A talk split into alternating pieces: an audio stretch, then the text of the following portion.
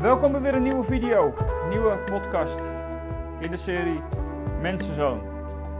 Ondertussen de vijfde in deze serie en de titel, je hebt hem vast al gezien, de titel is De Mensenzoon vergeeft zonde.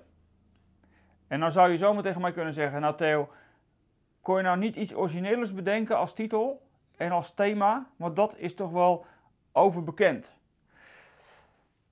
Nou ja, dat is af te vragen hoe bekend het is. Maar ja, Jezus zegt het zelf. Dat hij de mensenzoon is die zonde vergeeft. En daar gaat deze video dus over. Dan moet je niet te snel denken, dat weet ik allemaal al wel. Want Jezus verbindt daar best wel weer een aantal dingen aan elkaar die voor mij in ieder geval ook weer verrassend waren. Nou, daar gaat het deze, deze keer over in deze video. De mensenzoon vergeeft zonde. Mijn naam is Theo de Koning van eindeloosgelukkig.nl.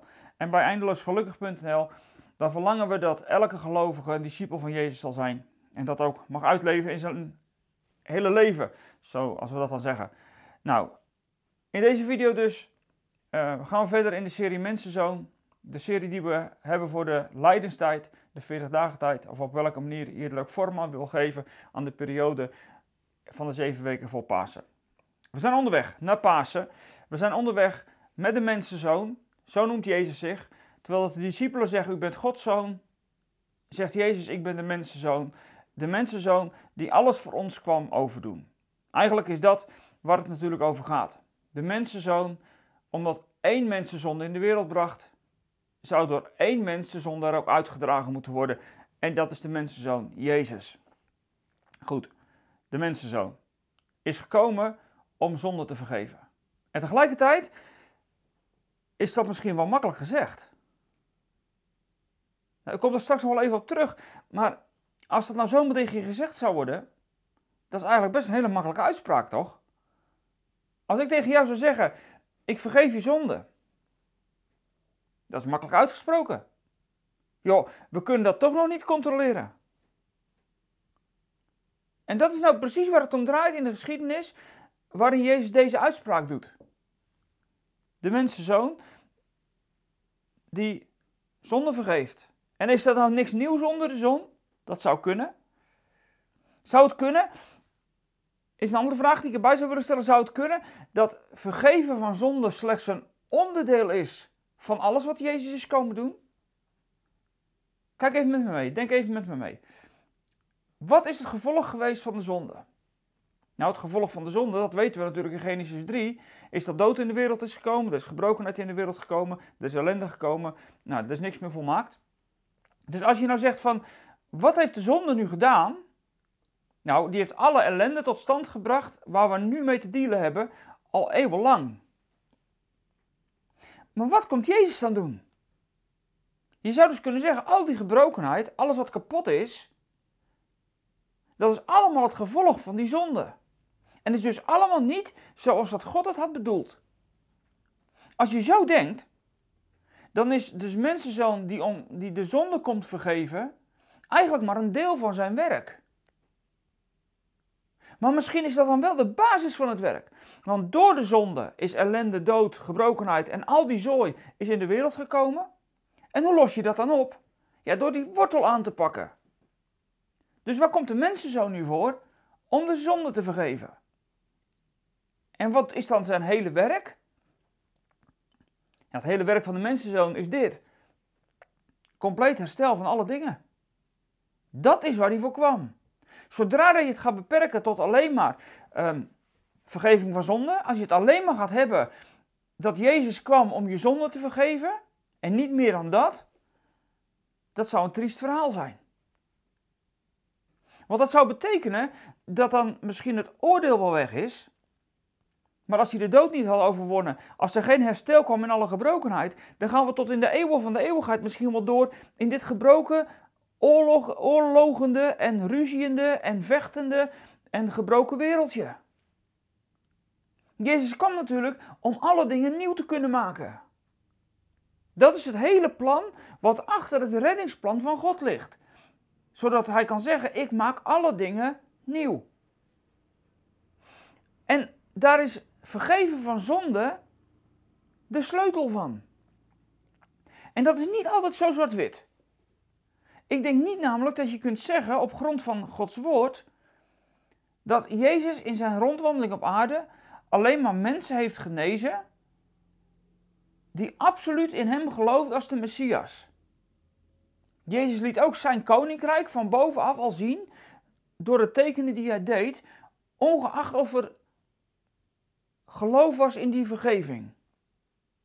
Tegelijkertijd wil dat ook niet zeggen dat als je vergeving van zonde hebt ontvangen omdat je in Jezus gelooft, je in deze wereld elke gebrokenheid kunt oplossen. En toch lijkt die vergeving wel een sleutel te zijn voor het herstel van alle dingen. En dat laat Jezus eigenlijk zien in de geschiedenis in onder andere Matthäus 9. En die geschiedenis staat op meerdere, in meerdere evangeliën opgetekend. Dat is het, de geschiedenis van de vier vrienden met hun verlamde, met vriend. Um, ik heb er een tijdje terug ook over gepreekt. Toen heb ik het uit een ander Bijbelgedeelte genomen, omdat het daar een uitgebreide staat beschreven. Maar in Matthäus 9, dan noemt Jezus weer die term mensenzoon. Maar laten we dat gedeelte dan eerst even lezen. Een stukje uit Matthäus 9 vanaf het eerste vers. En daar staat: Hij stapte weer in de boot en stak over terug naar zijn eigen stad. Dat gaat dan over Capernaum. Daar brachten een paar mensen een verlamde bij hem op een draagbed. In het Lucas-evangelie staat dat het vier vrienden waren die hun vriend daar brachten. En toen Jezus hun geloof zag, dat van die vier vrienden, hier staat een paar, maar er zijn er dus vier, hun geloof zag, zei hij tegen de verlamde, houd moed mijn kind, uw zonden zijn u vergeven. Daarop zei de enkele schriftgeleerden bij zichzelf, die man slaat Gods lastelijke taal uit. Jezus doorzag hun gedachten en zei, waarom hebt u zulke boosaardige gedachten? Wat is makkelijker om te zeggen? Uw zonden zijn u vergeven of sta op en loop. Ik zal u laten zien dat de mensenzoon volmacht heeft om op aarde zonde te vergeven. En toen zei hij tegen de verlamde, sta op, pak uw bed op en ga naar huis. En hij stond op, ging naar huis. Toen de mensen dit zagen, werden ze van ontzag vervuld en loofden God om de macht die hij aan mensen verleent. Maar dat is wat staat. Je moet natuurlijk even het hele verhaal kennen. En daarom heb je eigenlijk Lucas-evangelie ook nodig, want daar staat het helemaal uitgeschreven. Wat er natuurlijk met die verlamde man is gebeurd. Want ik kan me ook maar zomaar voorstellen dat die reactie van Jezus, of het antwoord van Jezus, of hoe dat hij het geloof van die mensen, van die vrienden zag, die hem daar gebracht hadden. Ik kan me ook voorstellen dat die reactie van Jezus ook wel iets teweeg gebracht heeft bij die vrienden. Dat staat er misschien wel niet zo letterlijk, maar denk even met me mee. Wat is er gebeurd in dit verhaal? Nou, in dit verhaal is gebeurd dat er vier vrienden waren die op weg gingen naar Jezus. Wat was het lastige van het verhaal? Ze kwamen bij het huis van Jezus aan en dat hele huis zat vol met mensen. Er staat zelfs dat er heel veel schriftgeleerden en fariseeën zaten. En ze kunnen niet door de menigte heen. Daar hebben ze ondertussen die vriend al een heel stukje mee op pad genomen. Ik weet niet waar ze vandaan komen. Misschien kwamen ze wel uit Capernaum. Wie zal het zeggen? Misschien kwamen ze van verder. In ieder geval, brancards hadden ze niet. En het enige wat hij blijkbaar bij zich heeft, is een beetje wat hij later oprolt. Daar lacht hij op. Misschien dat ze een paar touwen aan vast hebben gemaakt. Nou, stel even voor dat die kerel 80 kilo heeft gewogen. Dan snap je best wel dat er aardig wat gesjouw is geweest. En dan vervolgens gaan ze naar het huis. Kunnen ze niet verder, kunnen ze niet bij Jezus komen. En dan sjouwen ze hun vriend het dak op. Alles bij elkaar is het een intensief klusje geweest. Ik bedoel, een lift was er niet. Als ik in het ziekenhuis een paar verdiepingen omhoog moet om een bezoek te brengen, ik zou je vertellen, ik pak niet drie verdiepingen de trap. Dan pak ik wel de lift. Alleen al omdat ik niet buiten adem bij de receptie van een afdeling wil staan. Maar zij hebben die vriend helemaal het dak opgesjouwd. Twee verdiepingen, drie verdiepingen? Ik weet het niet. Veel in ieder geval. Gesjouwd. En dan vervolgens hebben ze een gat in het dak gemaakt, gezocht waar Jezus was, en ze hebben hem laten zakken door het dak. En dan? Nou, dan kijkt Jezus omhoog en dan ziet hij hun geloof. En wat zegt Jezus dan tegen die verlamde vriend? Je zonden zijn vergeven. En dit is lastig. Want met dat Jezus dit dus zegt, doet hij niet wat die vier vrienden hadden gewild en ook niet wat die verlamde had gewild. Ik heb er een keer wat over gedeeld met jullie, over deze geschiedenis, en toen gezegd, dat betekent dat ze moesten loslaten op het moment dat ze iets bij Jezus hebben gebracht. Dat het ook iets met ons gebed te maken heeft. Maar het, zegt ook nog iets anders in de serie waar we nu mee bezig zijn namelijk. Want wat gebeurt er nou in dit gedeelte?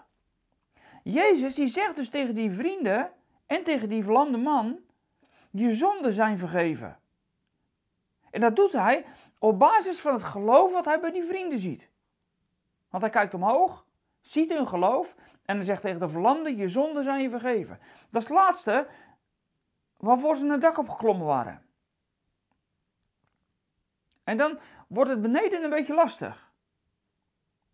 Misschien de teleurstelling wel op het gezicht van die verlamde en ook die vier vrienden op het dak nog wel. Maar het wordt vooral beneden lastig omdat die fariseeën boos worden en die schriftgeleerden. Want die zeggen dus letterlijk, dit is een godslasteraar. En wat moet je met een godslasteraar doen volgens de Bijbel? Die moet je doden. Dus met andere woorden, ze zeggen, deze Jezus verdient de doodstraf. Omdat hij de zonde vergeeft. Want dat kan alleen God. Ze zeggen niet per se rare dingen. Het probleem is dat ze niet in de mensenzoon geloven. Los van de mensenzoon was het godslastering geweest. Maar de mensenzoon was volgens de discipelen Godszoon. En de mensenzoon is de mensenzoon uit Daniel 7. De zoon van God zelf. Hij die straks zou komen om te oordelen, leven en doden. Dus dat Jezus dit doet, is geen godslastering, want hij kan zichzelf niet lasteren. Alleen die, die wetsleraren, die begrepen er niks van en geloofden niet dat Jezus de Messias was. En toch is het ook heel lastig, want dat kan Jezus dan wel zo zeggen, je zonden zijn vergeven. Maar even gewoon een heel eerlijke vraag. Wanneer weet je nou dat je zonden vergeven zijn dan? Of wanneer weet de omgeving dat iemand zonden vergeven zijn? Nou, plat gezegd, kort de bocht, kun je eigenlijk alleen maar zeggen op het moment dat iemand uiteindelijk de hemelpoort binnenkomt. Want dan heeft hij vrijspraak gekregen. Dan blijkt dus dat die zonden vergeven zijn. Maar hier op aarde, ja, het is best dat Jezus dit zegt. Maar even eerlijk, dit kan iedereen zeggen. Maar het bewijs is nog niet geleverd dat het gebeurd is. Want dat ontdek je pas op het moment dat hij de hemel binnengaat. Nou, je snapt al wel hoe zweverig dit gevoeld heeft voor de mensen. Je zonden zijn je vergeven. Buiten de teleurstelling van die vier vrienden en die, en die man, zitten er ook die vragen nog omheen. Van, ja, dat kan iedereen wel zeggen. En hoe dan? En wat dan? En dan doet Jezus iets wat opmerkelijk is. Want wat doet Jezus dan daarna? Dan zegt hij die, die woorden over de mensenzoon. Dan zegt Jezus: Ik zal u laten zien dat de mensenzoon volmacht heeft om op aarde zonde te vergeven. Dus niet alleen maar in de hemel, maar ook nu hier op aarde zonde te vergeven. Die volmacht die hij gekregen heeft, die zit dus in het gevolg wat hij doet. Ik zal jullie laten zien dat de mensenzoon volmacht heeft gekregen om op aarde zonde te vergeven. En toen zei hij tegen de verlamde, sta op, pak je bed op en ga naar huis. Dus die dat wonder wat daarna gebeurt is het bewijs van de volmacht van de vergeving van zonde. Met andere woorden, vergeving van zonde zorgt voor het herstel van alle dingen. Dat is wat Jezus eigenlijk hier gewoon laat zien. En wie kan het herstel geven van alle dingen? Wie anders kan een wonder doen dat de verlamde kan gaan lopen? Dat kan alleen God. En wat doet Jezus dus eigenlijk? Met dit wonder laat hij zien dat hij dus God is. Dat hij de schepper is van hemel en aarde. Het vlees geworden woord. Dat is wat Jezus hier laat zien in dat wonder. En daardoor moeten die criticasters van hem monddood worden gemaakt. Want zonder vergeven, ja, dat kan God alleen. Maar even eerlijk, een verlamde die nog nooit heeft gelopen, laten lopen op basis van één bevel, dat kan er ook maar één, namelijk God. En Jezus bewijst dus hier zijn godheid hij bewijst dus hier zijn mensenzoon zijn. En hij bewijst dus hier dat hij op aarde de macht, de volmacht heeft gekregen om de zonde te vergeven. En tegelijkertijd blijft het in deze geschiedenis, en dat is niet overal zo, hè, want soms doet Jezus los van elkaar deze dingen. Heeft hij alleen maar over vergeven van zonde of alleen maar over genezing. Maar hier laat hij het als bewijs zien dat die genezing onderdeel van zijn godheid is. En dat omdat hij God is, dus ook zonde mag vergeven. Hier houdt hij die dingen van vergeving van zonde. En dus het herstel van alle dingen, houdt hij hier heel dicht bij elkaar. Zoals in Genesis 3 het uit elkaar wordt gehaald. Want in Genesis 3 zorgt de zonde ervoor dat de heelheid van de schepping uit elkaar getrokken wordt. Omdat er schuld gekomen is, wordt de heelheid van de schepping uit elkaar gehaald. En hier ontstaat er vergeving van zonde en brengt hij die gebrokenheid brengt hij weer tot heelheid. Dus Jezus laat zien dat die dingen bij elkaar horen. Zonder zijn vergevende werk straks op Golgotha zou er nooit herstel van alle dingen mogelijk zijn. Als hij niet de zonde had opgepakt en de wereld had uitgedragen, had God nooit over kunnen gaan tot het herstel van alle dingen straks. Dus die vergeving van zonde is fundamenteel voor het vervolg.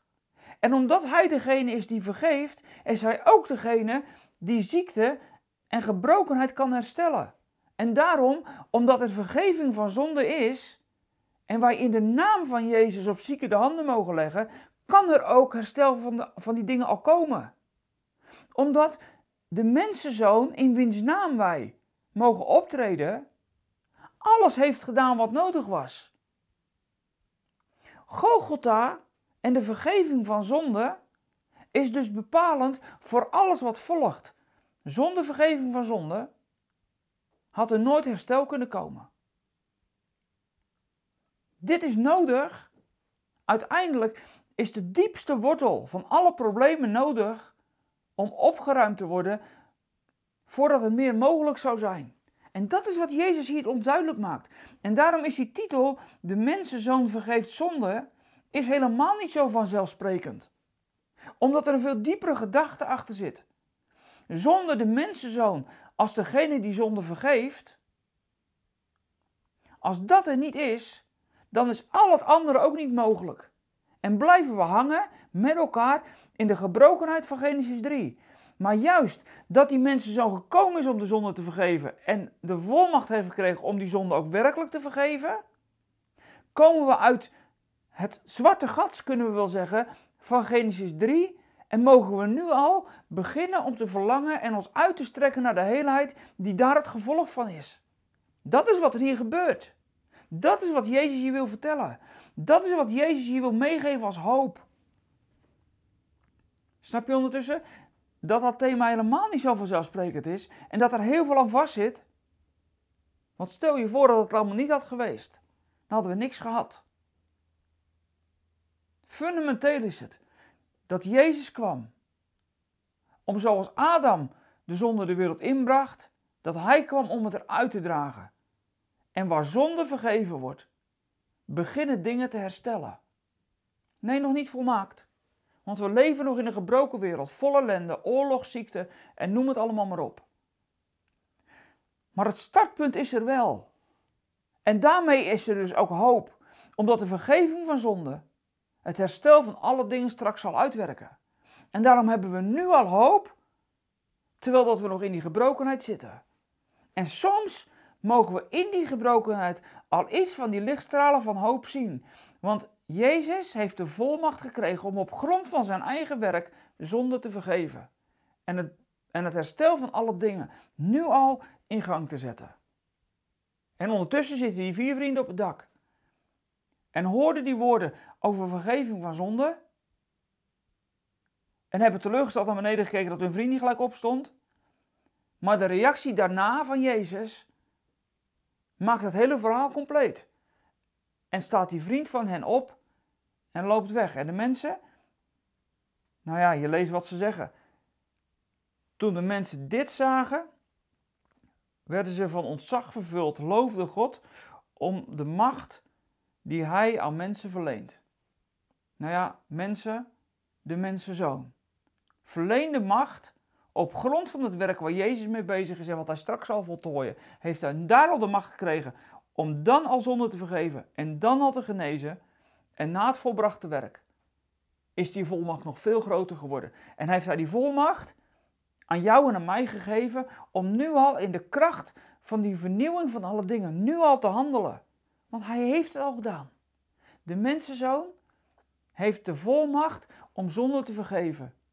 Niet alleen maar een volmacht die al gekregen is als voorschot op wat hij zal gaan doen, maar nu achteraf is die volmacht compleet.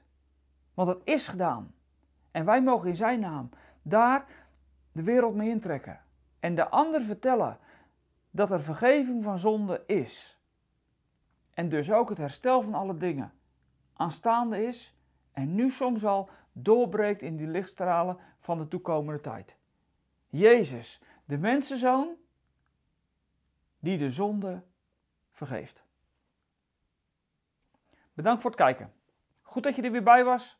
Mooi dat je meedoet. Ik hoop dat ook dit je weer inspireert. Deel deze video. Like hem even met een blauw duimpje op YouTube. Nou, ik zeg al, deel hem ook in je eigen netwerk. Want ik geloof ook dat dit weer een boodschap is die er echt toe doet. Nog veel minder dan we vaak denken. Um, reageer in de comments als je het wil. Heb je vragen, stel ze gerust. En um, wil je ons financieel steunen? Dat vinden we heel fijn. Dan, uh, nou, vraag aan God wat, je, wat, wat, wat Hij op je hart wil leggen. Wat je hiervoor mag geven. En nou, we zijn heel dankbaar voor elke gift die we krijgen. Ook degenen die dit uh, regelmatig doen, sommige maandelijks zelfs. Daar zijn we echt dankbaar voor. En als jij ook ons wil ondersteunen, nou, dan nodigen we je dan heel hartelijk uit. En voor nu zou ik zeggen, wees gezegend voor de komende week en tot volgende week.